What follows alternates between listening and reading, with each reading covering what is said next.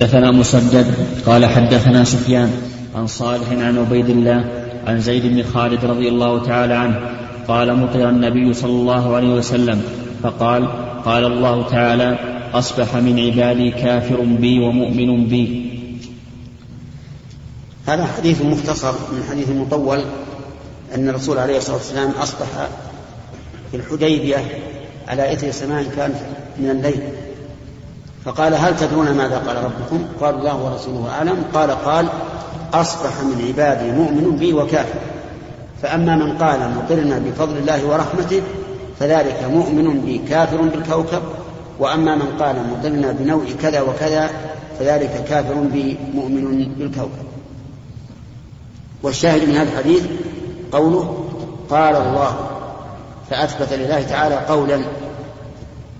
نعم.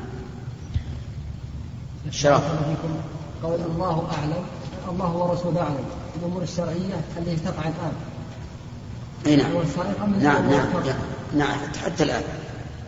حتى الآن لأن الرسول يعلم الشر ونقول أو ترك الاقتباس ما فيها شك. نعم. سؤال عن درس أمس ها؟ سؤال عن درس أمس نعم هل تكتب أعمال القلوب؟ أي نعم. تكتبها يطلعها الله عز وجل على ذلك. بندر قول بعض الناس مطرنا في أي نعم. مطرنا بالوصف هم يريدون أن تكون الباء للسببية للظرفية. يعني في الوصف ولهذا قال العلماء يحرم قول مطرنا بنوع كذا ولا يحرم قول مطرنا في نوع كذا. لماذا؟ لأن في للظرفية وهذه مراد الناس مطرنا بالوسم أي نعم. حدثنا إسماعيل قال حدثني مالك عن أبي الزناد عن أعرج عن أبي هريرة رضي الله تعالى عنه أن رسول الله صلى الله عليه وسلم قال قال الله تعالى إذا أحب عبدي لقائي أحببت لقاءه وإذا كره لقائي كرهت لقاءه. اللهم حبب إلينا لقاءك آه هذا الشاهد فيه أيضا إضافة القول إلى الله عز وجل. طيب لو قال قائل كل آية في القرآن ممكن أن نستدل بها لهذا؟ ها؟ يصح؟ أي نعم. كل آية في القرآن يمكن أن نستدل بها لهذا. ومن قال ان كلام الله مخلوق فقد بدل كلام الله. نعم.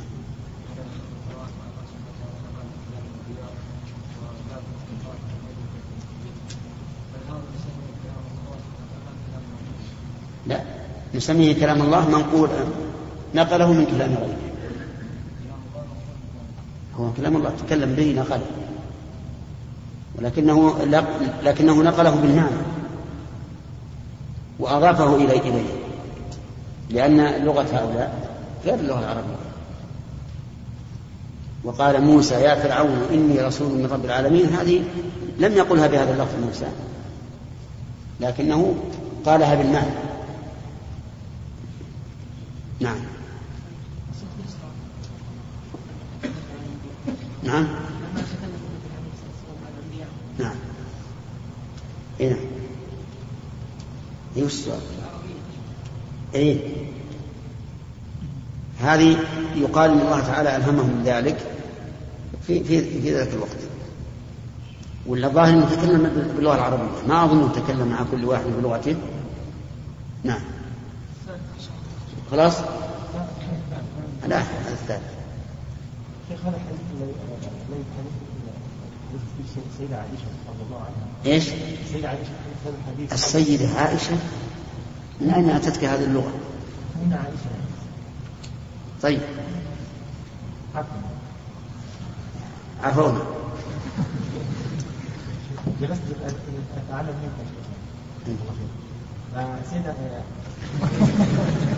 أمنا عائشة رضي الله عنها قالت آه، كلنا يكره الموت هذا حديث نعم صحيح. أي نعم.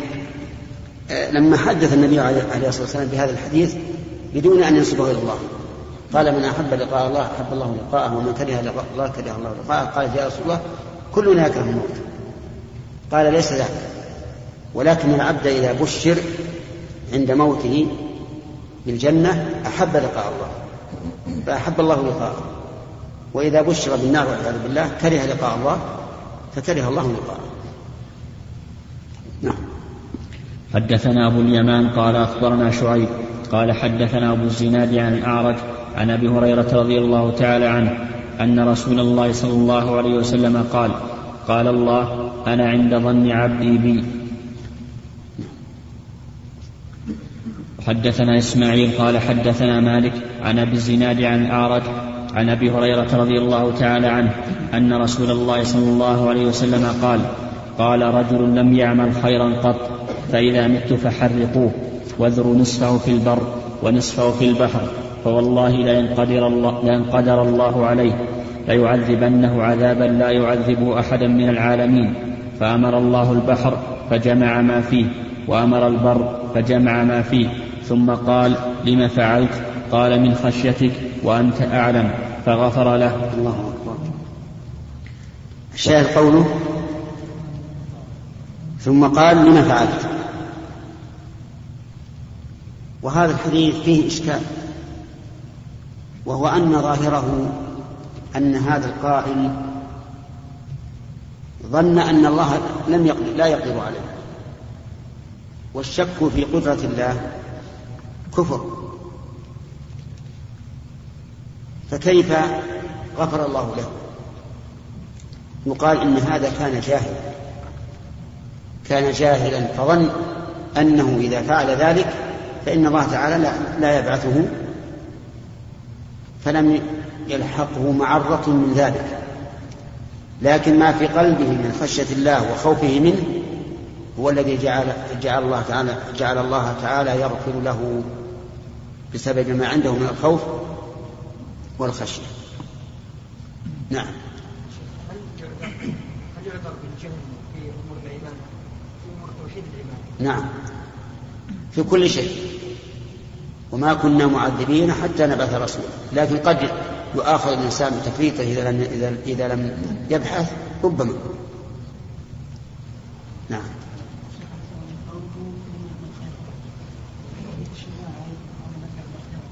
نعم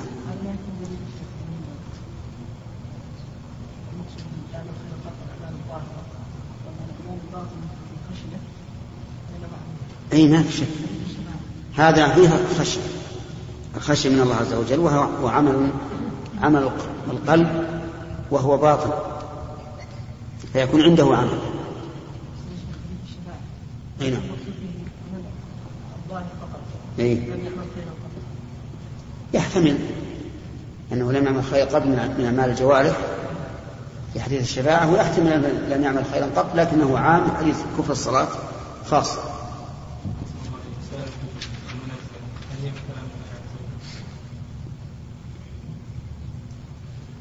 المعروف عند عند السلف أنها من كلام الله. ولهذا يقولون التوراة والإنجيل والزبور والقرآن كلها غير مخلوقة منزلة غير مخلوقة. لكن التوراة ذكر الله عز وجل أن ذكر العلماء أن الله كتبها بيده. وقال الله تعالى وكتبنا لهم في الألواح من كل شيء. فإذا جعلنا الكتابة من منزلة القول كما هو الواقع في المعاملات وغيرها صارت مكتوبة كتب الله بيده لكن لا نعلم هل تكلم بها عز وجل أو أنها أو أن موسى أخذها مكتوبة. نعم. فعلى كل حال نقول هي منزلة. تنزيل نقول هي منزلة. التوراة والإنجيل أنزلها الله عز وجل وأنزل التوراة والإنجيل من قبل هدى للناس. والتوراة يا جماعة يا محمد الواصل وغير محمد الواصل. إذا كنت أجيب سؤال لا حد غيره دعونا نتكلم بطلاقة. لا تشوفون عليه حتى أننا إذا انتهينا فاسأل. أنزل التوراة والإنجيل هدى للناس وبينات منها. نعم هدى للناس. أنزل التوراة والإنجيل من قبل هدى للناس. والمشهور أن الله تعالى كتب التوراة بيده. بل هذا هو ما دلت عليه الأحاديث كما سبق في أحاديث الشفاعة. ولا نقول أكثر من هذا. هذا هو الأدب مع النصوص. أن نقول ما جاءت به النصوص بهذه الأمور الغيبية. نعم؟ أبد نقول أنزل الله التوراة والإنجيل. وكتب التوراة بيده. فقط. لكنها من عند الله لا شك كلها من عند الله. نعم. كيف؟ ما ما هو المعلوم بالضرورة؟ المعلوم بالضرورة لابد أن هذا الرجل باق في بين أظهر المسلمين وحينئذ ليس لا يمكن يكون جاهلا لكن إذا كان في مجاهل الأرض ولا يعرف عن الأديان شيئا ولم ينتسب إلى دين معين من أديان الكفر فهذا يعذر. ولهذا قال رسلا مبشرين ومنذرين لئلا يكون للناس على الله حجة بعد الرسل. نعم. حدثنا أحمد بن إسحاق قال حدثنا عمرو بن عاصم قال حدثنا همام قال حدثنا إسحاق بن عبد الله قال سمعت عبد الرحمن بن أبي عمرة قال سمعت أبا هريرة رضي الله تعالى عنه قال سمعت النبي صلى الله عليه وسلم قال إن عبدا أصاب ذنبا وربما قال أذنب ذنبا فقال رب أذنبت ذنبا وربما قال أصبت فاغفر لي فقال ربه فقال ربه أعلم عبدي أن له ربا يغفر الذنب ويأخذ به غفرت لعبدي ثم مكث ما شاء الله ثم أصاب ذنبا أو أذنب ذنبا فقال ربي أذنبت أو أصبت آخر. أو أصبت آخر فاغفره. فقال أعلم عبدي أن له ربا يغفر الذنب ويأخذ به. غفرت لعبدي. ثم مكث ما شاء الله. ثم أذنب ذنبا. وربما قال أصاب ذنبا. فقال ربي أصبت أو قال أذنبت آخر. فاغفره لي. فقال علم عبدي أن له ربا يغفر الذنب. ويأخذ به غفرت لعبدي ثلاثة فليعمل ما شاء. يعني فليعمل ما شاء من الذنب والتوبة منه. فكلما أذنب الإنسان وتاب فإن الله يتوب عليه. وإذا عاد إلى الذنب فإن التوبة الأولى لا تنخرم ولا تنهدم. لكن يجب أن يجدد للذنب الثاني توبة. فإذا جدد التوبة تاب الله عليه. فقوله فليعمل ما شاء ليس المعنى فليعمل ما شاء من المعاصي والذنوب فليعمل ما شاء من هذا العمل الذي كان يناجي الله تعالى به. والشاهد من هذا فقال علم عبدي وفي نصرة عندي فقال علم عبدي نعم. نعم. فهمت.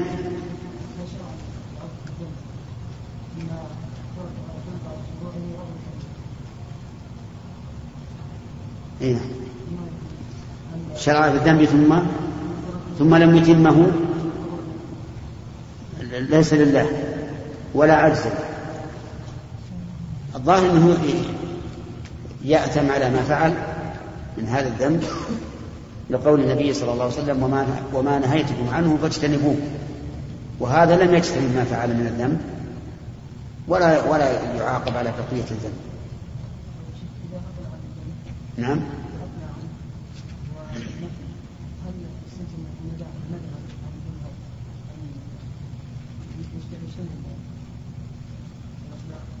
إيش؟ كيف؟ هنا لا لا الندم يسبق العزم. لا يعود. أنا ما ودي يكون أسئلة نعم يا عبد الله.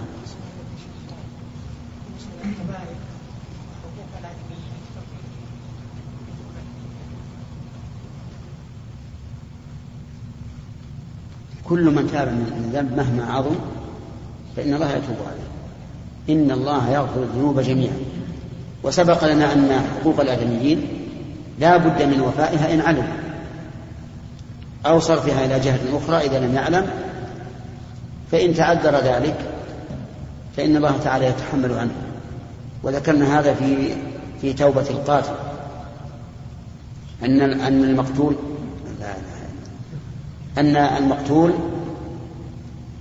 آه، لا يمكن استيفاؤه حقه ولكن الله تعالى يوفيه من عنده إذا صحت توبة القاتل. أخذنا ثلاثة.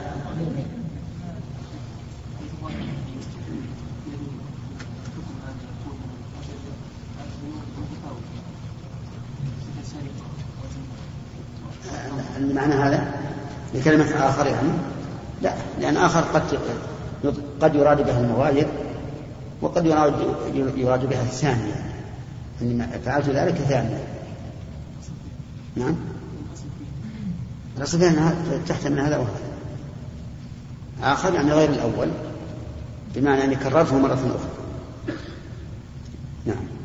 حدثنا عبد الله بن أبي الأسود قال حدثنا معتمر قال سمعت أبي قال حدثنا قتادة عن عقبة عن عقبة بن عبد بن عبد الغافر عن أبي سعيد عن النبي صلى الله عليه وسلم أنه ذكر رجلا فيما سلف أنه ذكر رجلا في من سلف أو في من كان قبلكم قال كلمة يعني أعطاه الله مالا وولدا فلما حضرت الوفاة قال لبنيه قال, قال لبنيه أي أب كنت لكم؟ قالوا خير أب.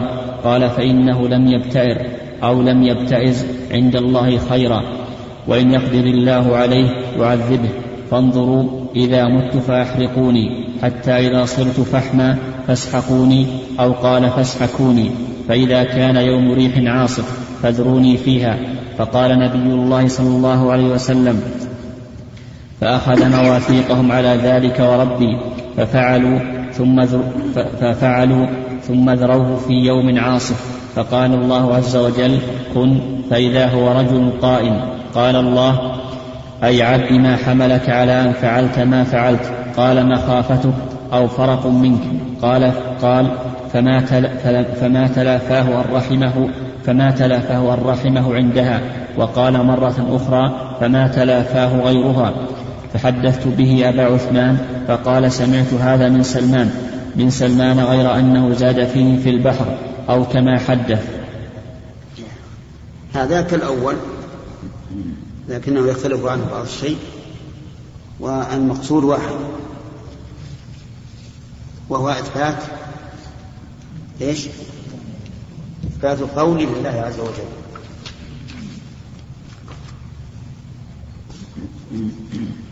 نعم.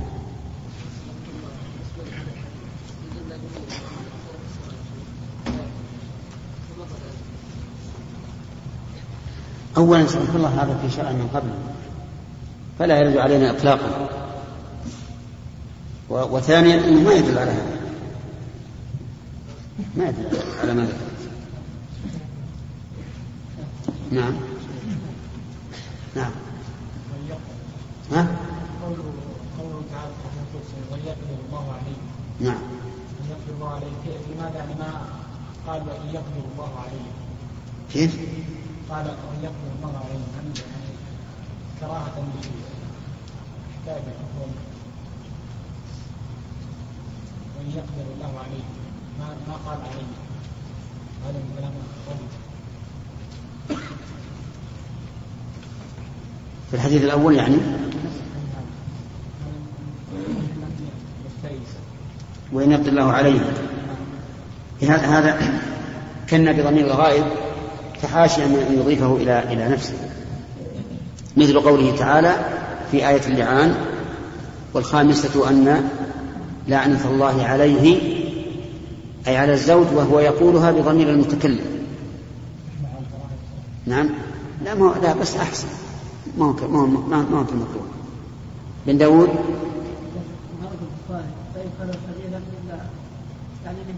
نعم.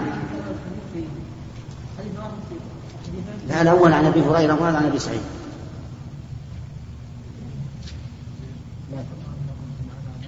نعم. حدثنا موسى قال حدثنا معتمر وقال لم يبتئر وقال خليفة حدثنا معتمر وقال لم يبتئس فسره قتادة لم يدخر. باب كلام الرب عز وجل يوم القيامة مع الأنبياء وغيرهم. حدثنا يوسف بن راشد قال حدثنا أحمد بن عبد الله قال حدثنا أبو بكر بن عياش عن حميد قال سمعت أنس رضي الله تعالى عنه قال سمعت النبي صلى الله عليه وسلم يقول إذا كان يوم القيامة إذا كان يوم القيامة شفعت. فقلت يا رب أدخل الجنة من كان في قلبه خردلة من كان في قلب في قلبه خردلة. فيدخلون ثم أقول أدخل الجنة من كان في قلبه أدنى شيء. فقال أنس كأني أنظر إلى أصابع رسول الله صلى الله عليه وسلم. أين الشاهد هذا الحديث؟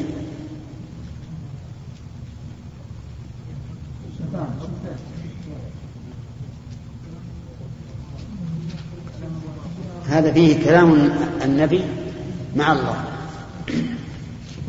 يعني أن الله تعالى أنه تكلم مع الله. ولكن سبق لنا في الأحاديث السابقة في الشفاعة أن الله تعالى يتكلم ويقول أخرجوا من في قلبه كذا وكذا. نعم. نعم يحيى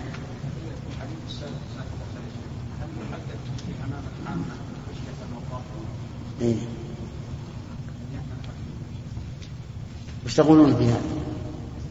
يقول هل نحدث بحديث أبي هريرة وأبي سعيد السابق الذي أذنب ثم تاب ثم أذنب ثم تاب ثم أذنب ثم تاب ثم قال الله تعالى فليعمل ما شاء هل نحدث به أمام العامة أقول إن كان الإنسان يريد أن يشرح الحديث لهم شرحا يقتنعون به فلا بأس بأن يقول مثلا هذا وفق للتوبة وربما لا يوفق غيره له أو ما أشبه ذلك فلا بأس. أما أن يحدث به ويرسله فهذا يخشى أن العامة يتهاونون في هذا الشيء في المعاصي ويقول هذا الرجل عمل ثلاث مرات وقال الله تعالى فليعمل ما شاء. فيتخذه سلما للتهاون في معاصي الله عز وجل. نعم.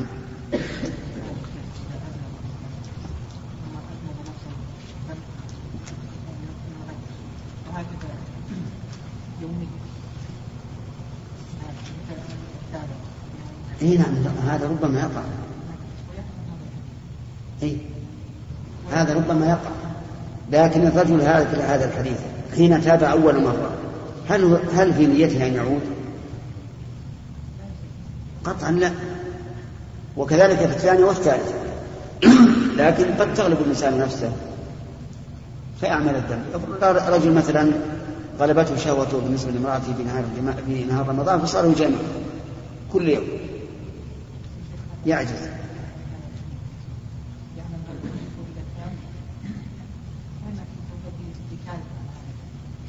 وهذا اللي خافه يحيى. قال إننا إذا حدثنا به العامة تجرأوا على المعاصي. فنحن نقول إذا كان الإنسان يريد أن يشرح لهم شرحا وافيا ويحذرهم من الأخذ بظاهره فلا بأس. لأنه يخشى أن يأتي به إنسان آخر ويرسله هكذا ولا ولا ولا, ولا يشرح له بالنسبة لنفسك حتى نفسك أيضا. أنت إذا عزمت أن لا تعود فقد صحت توبتك نعم سليم إذا حكمنا في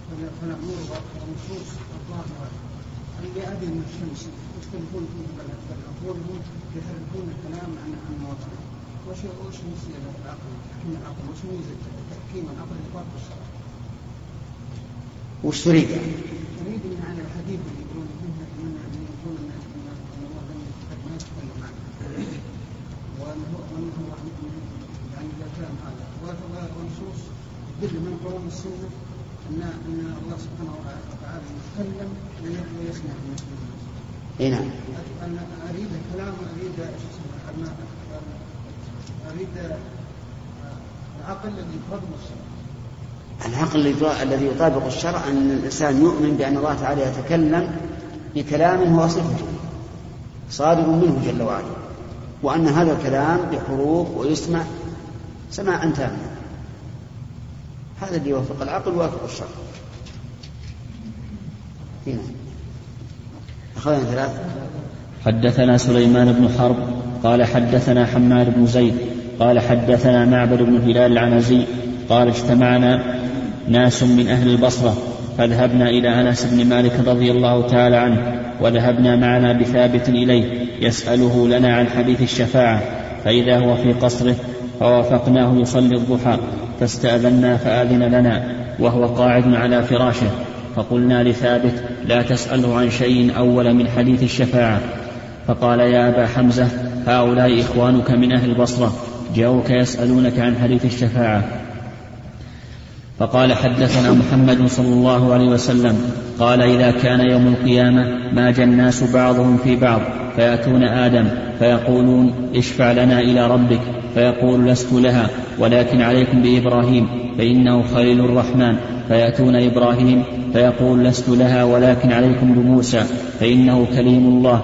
فيأتون موسى فيقول لست لها ولكن عليكم بعيسى فإنه روح الله وكلمته.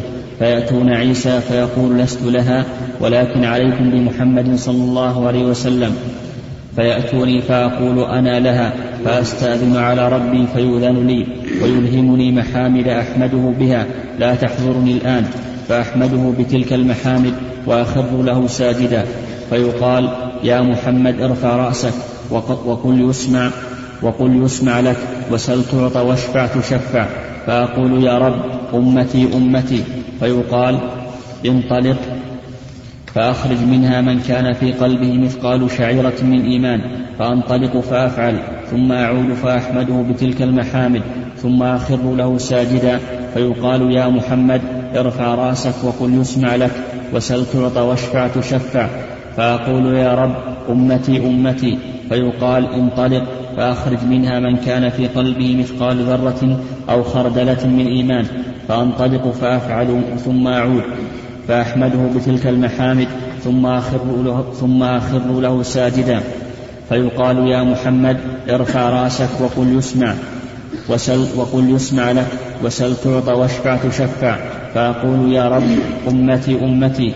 فيقول انطلق فأخرج من كان في قلبه أدنى أدنى مثقال حبة من خردل.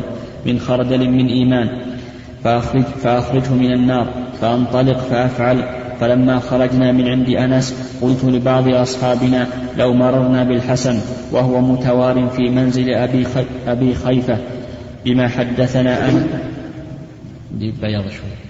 أبي خليفة.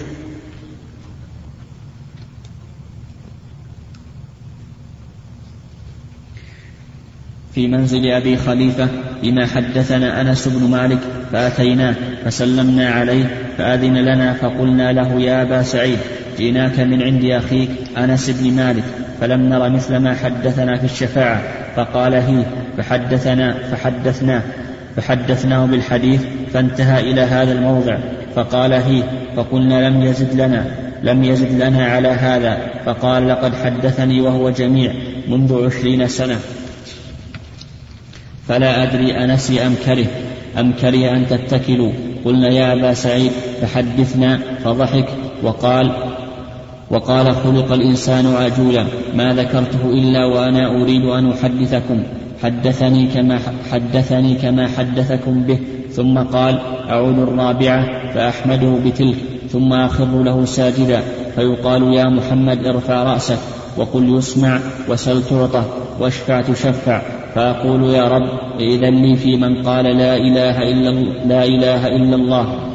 فيقول وعزتي وجلالي وكبريائي وعظمتي لأخرجن منها من قال لا إله إلا الله.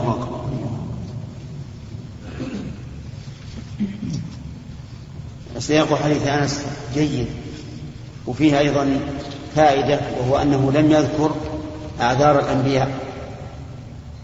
الذين التي اعتذروا بها. لم يذكر عذر آدم ولا عذر نوح ولا عذر إبراهيم ولا عذر موسى لأن المقام يقتضي ذلك.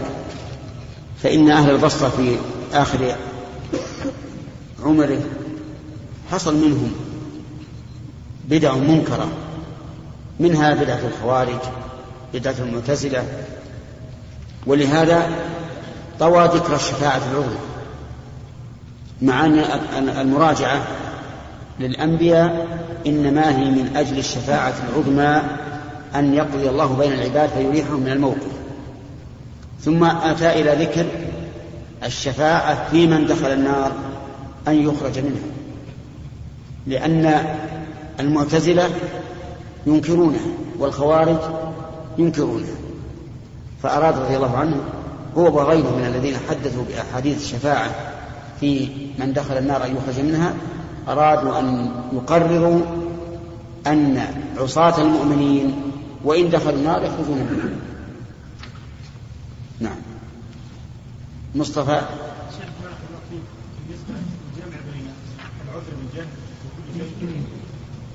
وبين اطفال الكفار اطفال المشركين واطفال المؤمنين يمتحنون وكذلك أهل الفترة لا أطفال المؤمنين لا يمتحنون. مع المؤمنين وأطفال المشركين يمتحنون. يمتحنون لأنهم معذورون.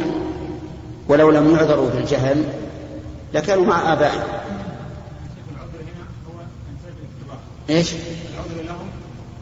الاختبار.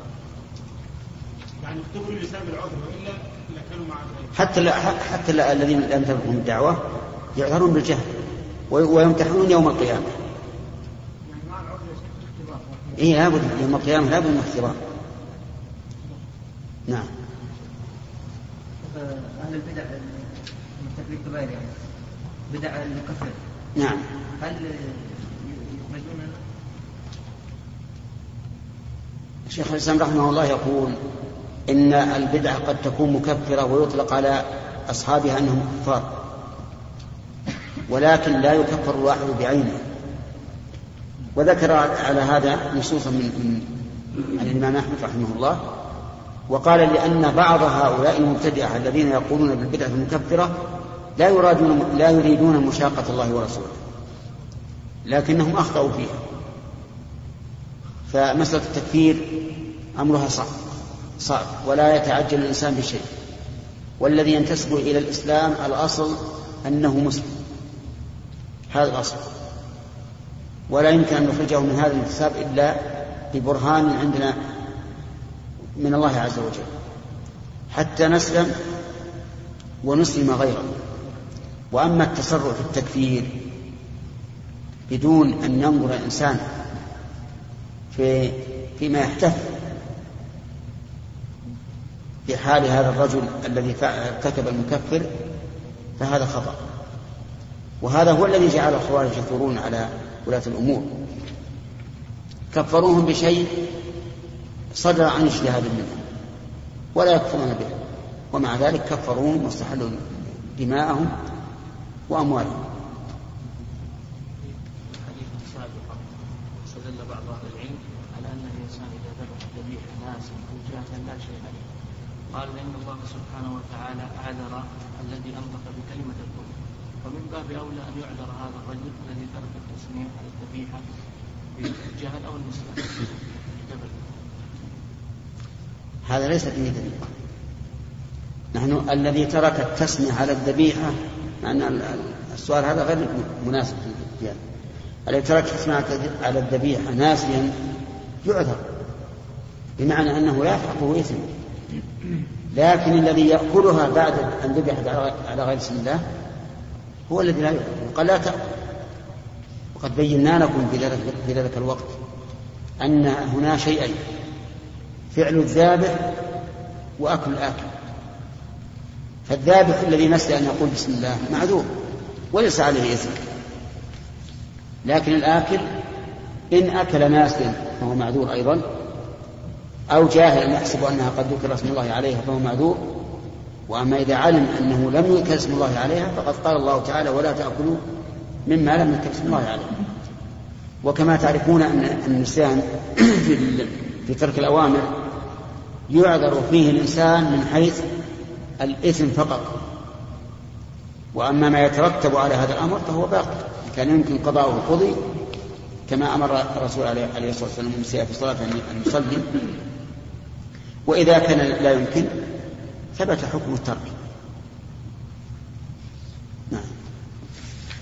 حدثنا محمد بن خالد قال حدثنا عبيد الله بن موسى عن إسرائيل عن منصور عن إبراهيم عن, عن عبيدة عن عبد الله رضي الله تعالى عنه قال قال رسول الله صلى الله عليه وسلم إن آخر أهل الجنة دخولا الجنة وآخر, وآخر أهل النار خروجا من النار رجل يخرج حبوا فيقول له ربه فيقول له ربه ادخل الجنة. فيقول ربي الجنة ملأى فيقول له ذلك ثلاث مرات.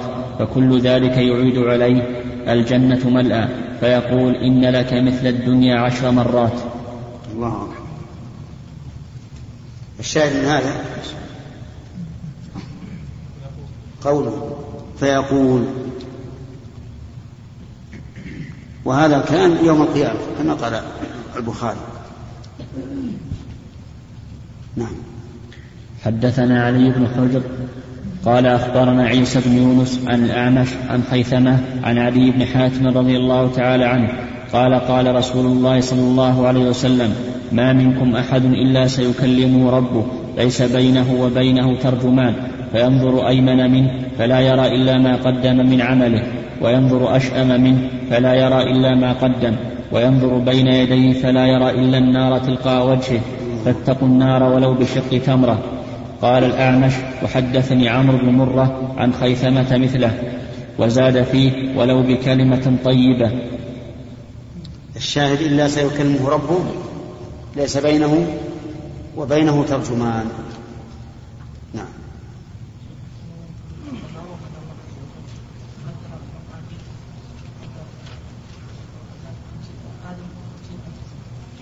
قبل خلق السماوات والأرض بخمسين ألف سنة.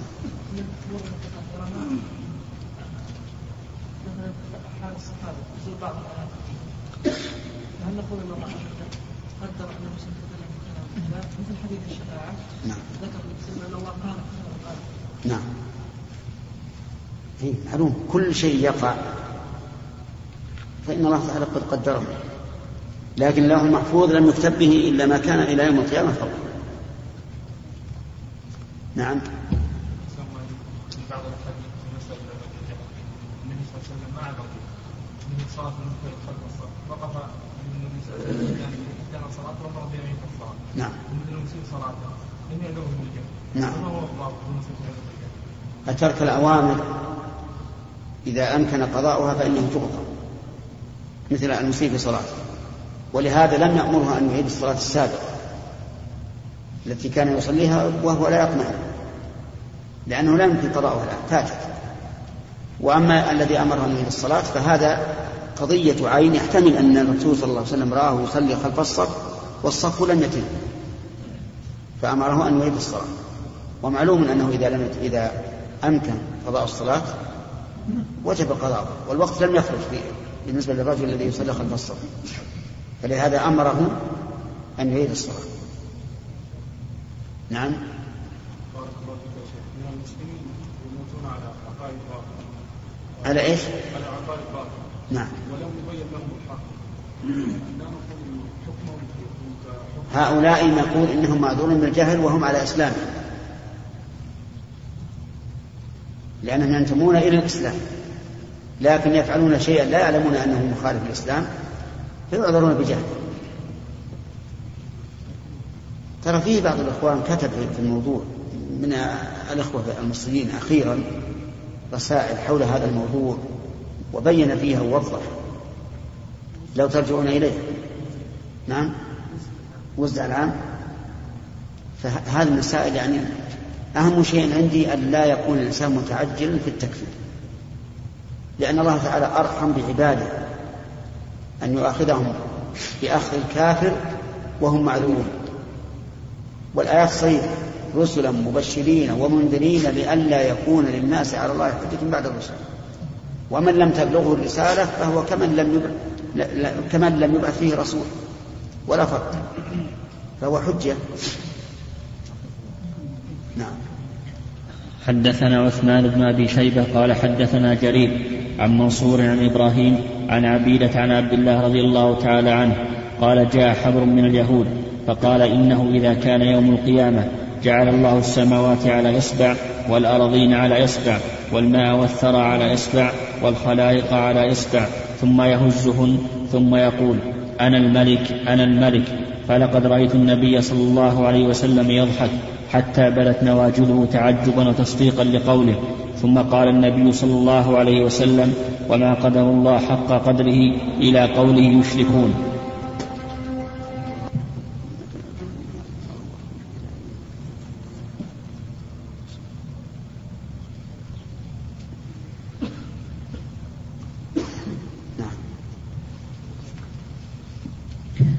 حدثنا مسدد قال حدثنا أبو عوانة عن قتادة عن صفوان بن, محرز أن رجلا سأل ابن عمر رضي الله تعالى عنهما كيف سمعت رسول الله صلى الله عليه وسلم يقول في النجوى؟ قال يدنو أحدكم من ربه حتى يضع كنفه عليه فيقول أعملت كذا وكذا؟ فيقول نعم. ويقول عملت كذا وكذا؟ فيقول نعم. فيقرره ثم يقول إني سترت عليك في الدنيا. وأنا أغفرها لك اليوم.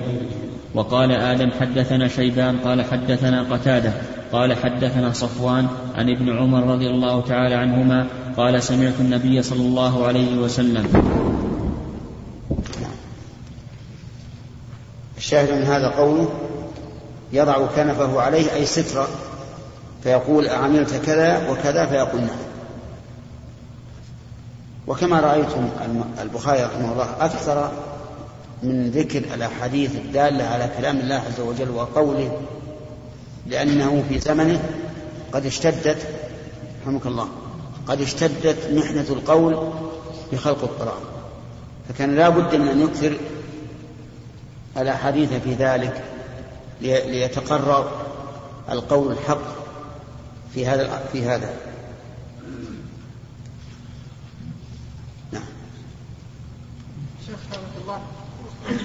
الله سبحانه وتعالى يعني جعل الجنة فقل هل من الجنة أما النار أما الجنة تمتلئ ما السر في ذلك؟ لأن رحمته سبقت غضبه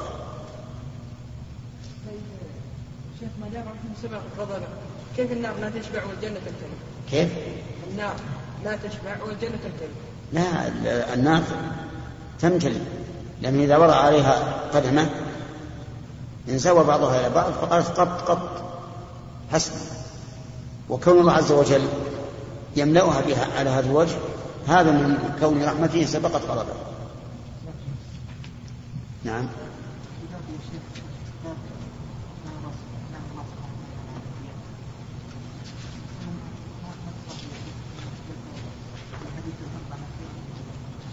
مع الأنبياء وغيرهم. ما عندك وغيرهم نعم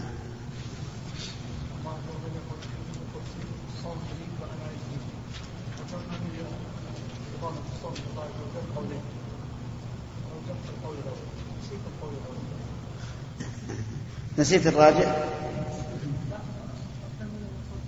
ما الذي ما الذي تذكر الآن؟ أي نعم إيه؟ يعني لا يطلع عليه إلا الله فلهذا جعل الله ثوابه كثيرا.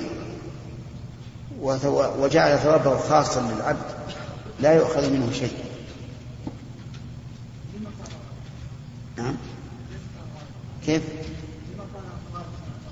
لا نأخذ حديث يدل عليه. يدع يترك طعامه وشرابه وشهوته من أجله نعم. باب قوله وكلم الله موسى تكليما. حدثنا يحيى بن بكير قال حدثنا الليث قال حدثنا عقيل عن ابن شهاب قال حدثنا حميد بن عبد الرحمن عن أبي هريرة رضي الله تعالى عنه أن النبي صلى الله عليه وسلم قال احتج آدم وموسى فقال موسى أنت آدم الذي أخرجت ذريتك من الجنة. قال أنت موسى الذي اصطفاك الله تعالى برسالاته وبكلامه ثم تلومني على أمر قد قدر علي قد قدر علي قبل أن أخلق فحج آدم موسى. باب قول الله تعالى وكلم الله موسى تكليما. هذه الآية صريحه في أن الله سبحانه وتعالى يتكلم كلاما حقيقة. وجه الدلالة أن الفعل أكد بالمصدر. قال العلماء ومن فوائد التوكيد نفي احتمال المجاز. نفي احتمال المجاز. فإذا قلت مثلا ضربت الرجل ضربا فإن ضربا تؤكد أن المراد بقولك ضربت الضرب الضرب الحقيقي. أعرفتم؟ طيب أكرمت الرجل إكراما تدل كذلك على أن الإكرام حقيقي. كلم الله موسى تكليما كذلك تدل على أن الله سبحانه وتعالى يكلم كلم موسى تكليما أي كلاما حقيقي فالتوكيد ينفي احتمال المجاز. وأهل السنة والجماعة الذين بنوا عقيدتهم على عقيدة السلف يقول نؤمن بأن الله تعالى يتكلم كلاما حقيقي يسمعه من وجه الخطاب إليه. لكن أهل التعطيل والإنكار يقولون إن الله تعالى لا يتكلم كلاما حقيقي ويقولون معنى هذه الآية كلم الله موسى تكليما أي جرحه جرحه بمخالب الحكمة. قالوا لأن الكلمة بمعنى الجرح. ومنه قوله تعالى ما من مكلوم يكلم في سبيل الله إلا إذا كان يوم القيامة جاء وكلمه يثعب دما أي جرح. فيقال سبحان الله. هذا هذا التفسير الذي ذكرتم بعيد عن المعنى.